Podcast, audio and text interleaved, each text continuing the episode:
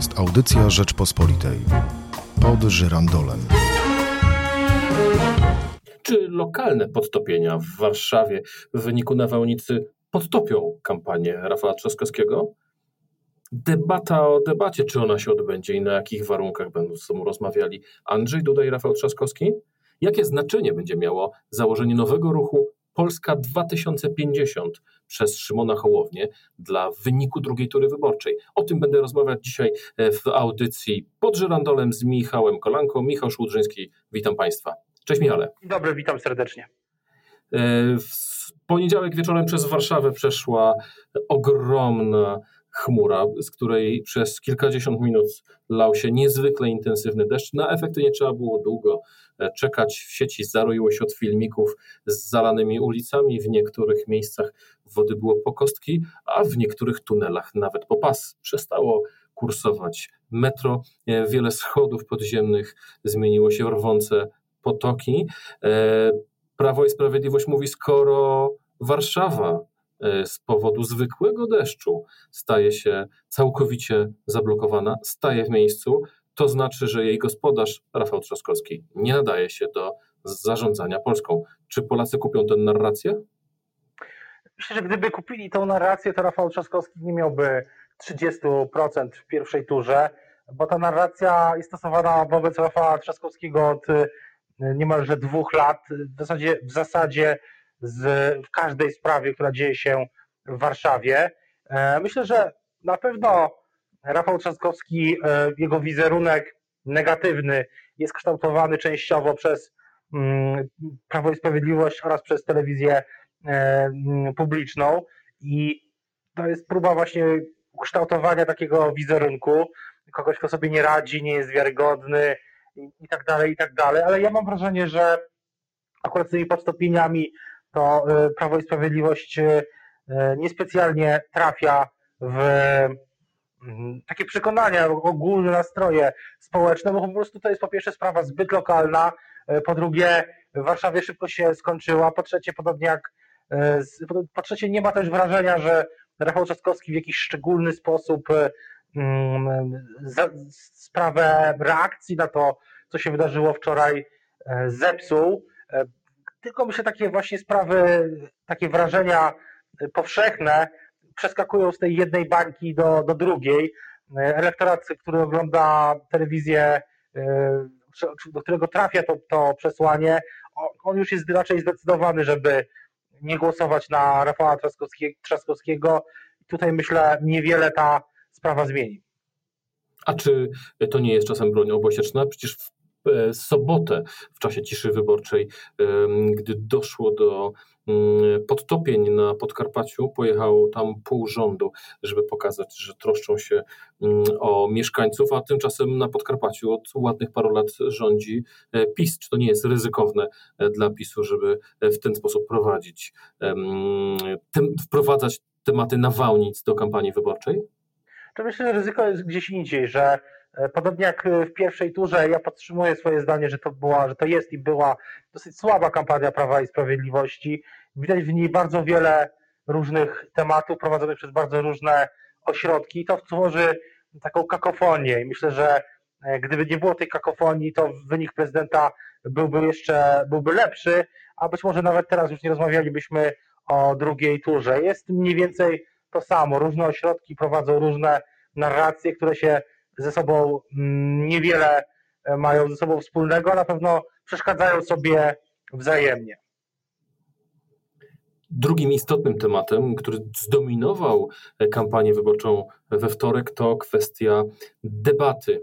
E, wydaje się, że to sztab Rafała Trzaskowskiego mm, do tej debaty przewiedząc, że Rafał Trzaskowski jako ten goniący jest w stanie w debacie mocno zaryzykować, postawić wszystko na jedną e, kartę. Jeżeli wygrałby debatę, miałby szansę wygrać wybory prezydenckie. I z tego właśnie powodu debata wydaje się olbrzymim ryzykiem dla Andrzeja Dudy, który dzisiaj, mając pozycję faworyta, na takiej debacie mógłby tylko stracić. Czy zgadzasz się z takim postawieniem sprawy?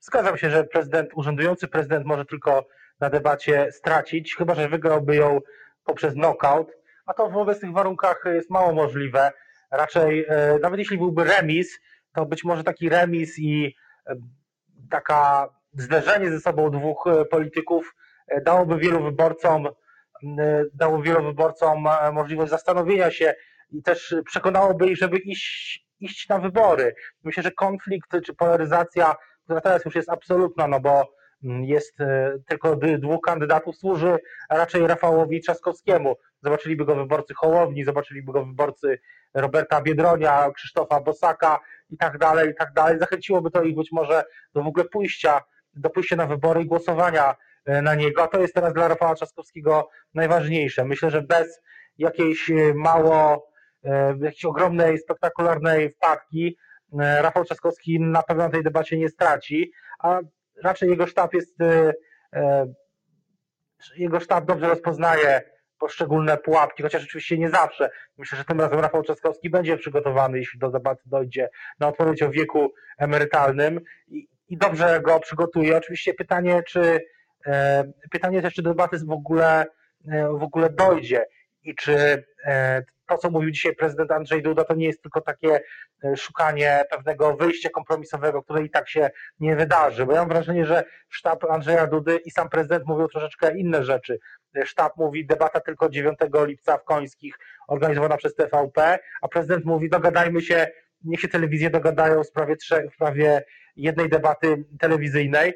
E, no zobaczymy. Na pewno e, debata może być game changerem, debata może być E, może zmienić bieg tej kampanii z takiej wojny pozycyjnej na taką kampanię znowu na wielką ofensywę jednego albo drugiego kandydata i wydaje się, że bardziej wydaje się, że to Challenger ma na to większe niemal domyślnie z definicji szanse. Zastanawiam się tylko, czy Rafał Trzaskowski będzie lepszy w tej debacie niż w debacie TVP, gdzie on miał taki bardzo zachowawczo się był przygotowany w sposób chyba taki bardzo zachowawczy, miał być zachowawczy i wyszło tak y, niespecjalnie. Myślę, że jego wyborcy mogli się poczuć nieco rozczarowani tą jego postawą, kiedy wreszcie włączyli TVP po wielu latach zapewne przerwy, mm, to, to myślę, że nie zobaczyli tam kogoś, kto e, spełnia ich aspiracje. No i teraz Rafał Trzaskowski musi być po prostu lepszy.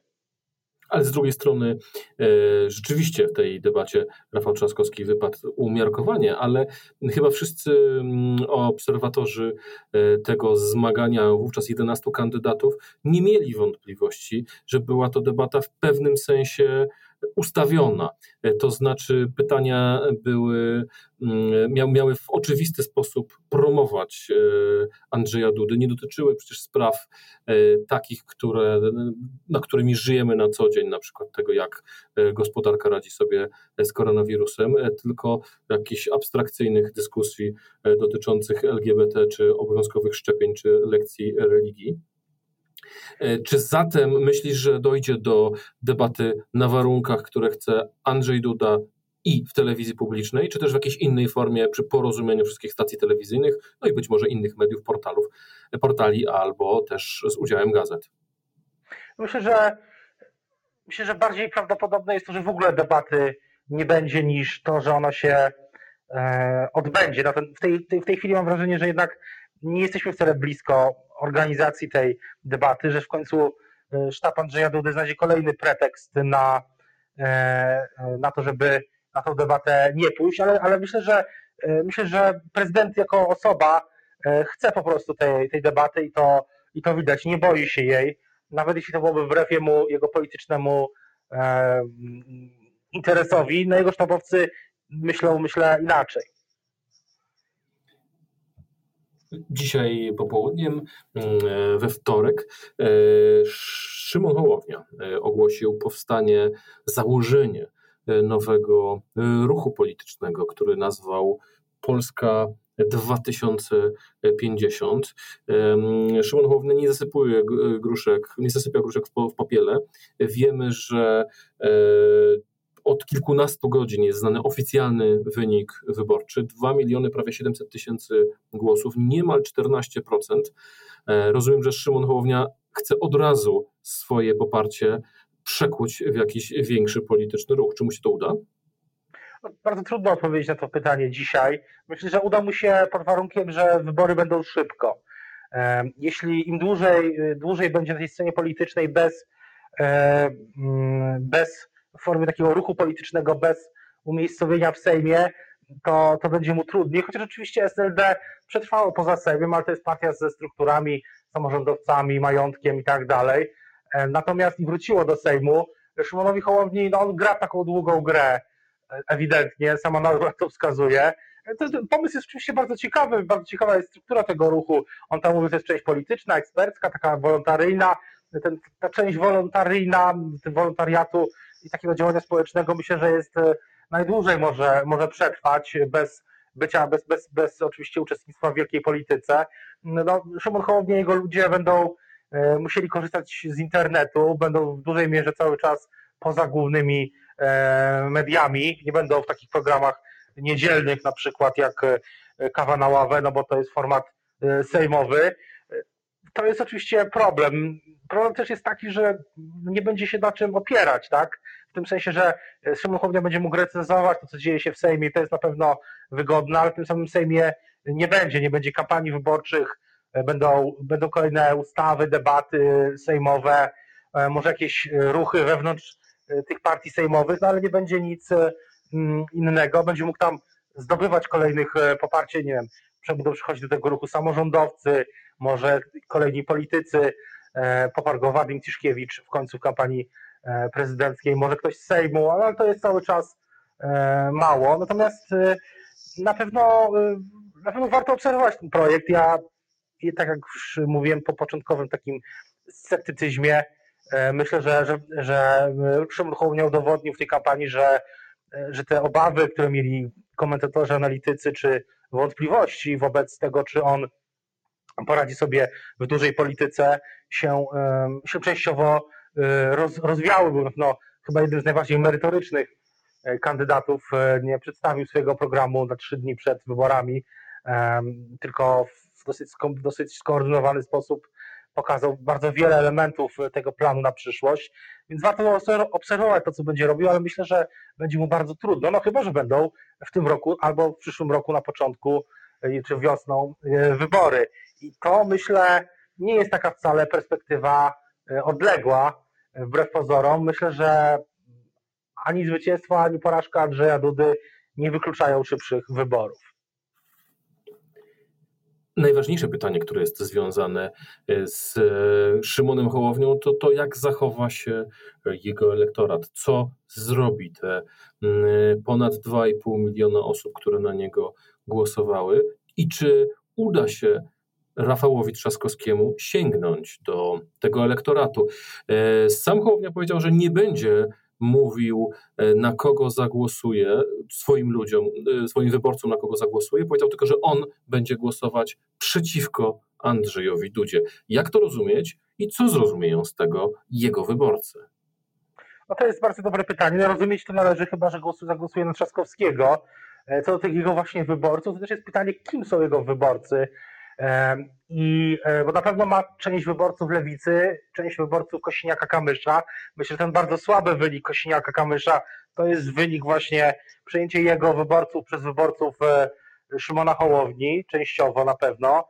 E, część na pewno to jest, to są wyborcy, którzy mogą nie pójść na wybory albo nawet zagłosować na Andrzeja Dudę.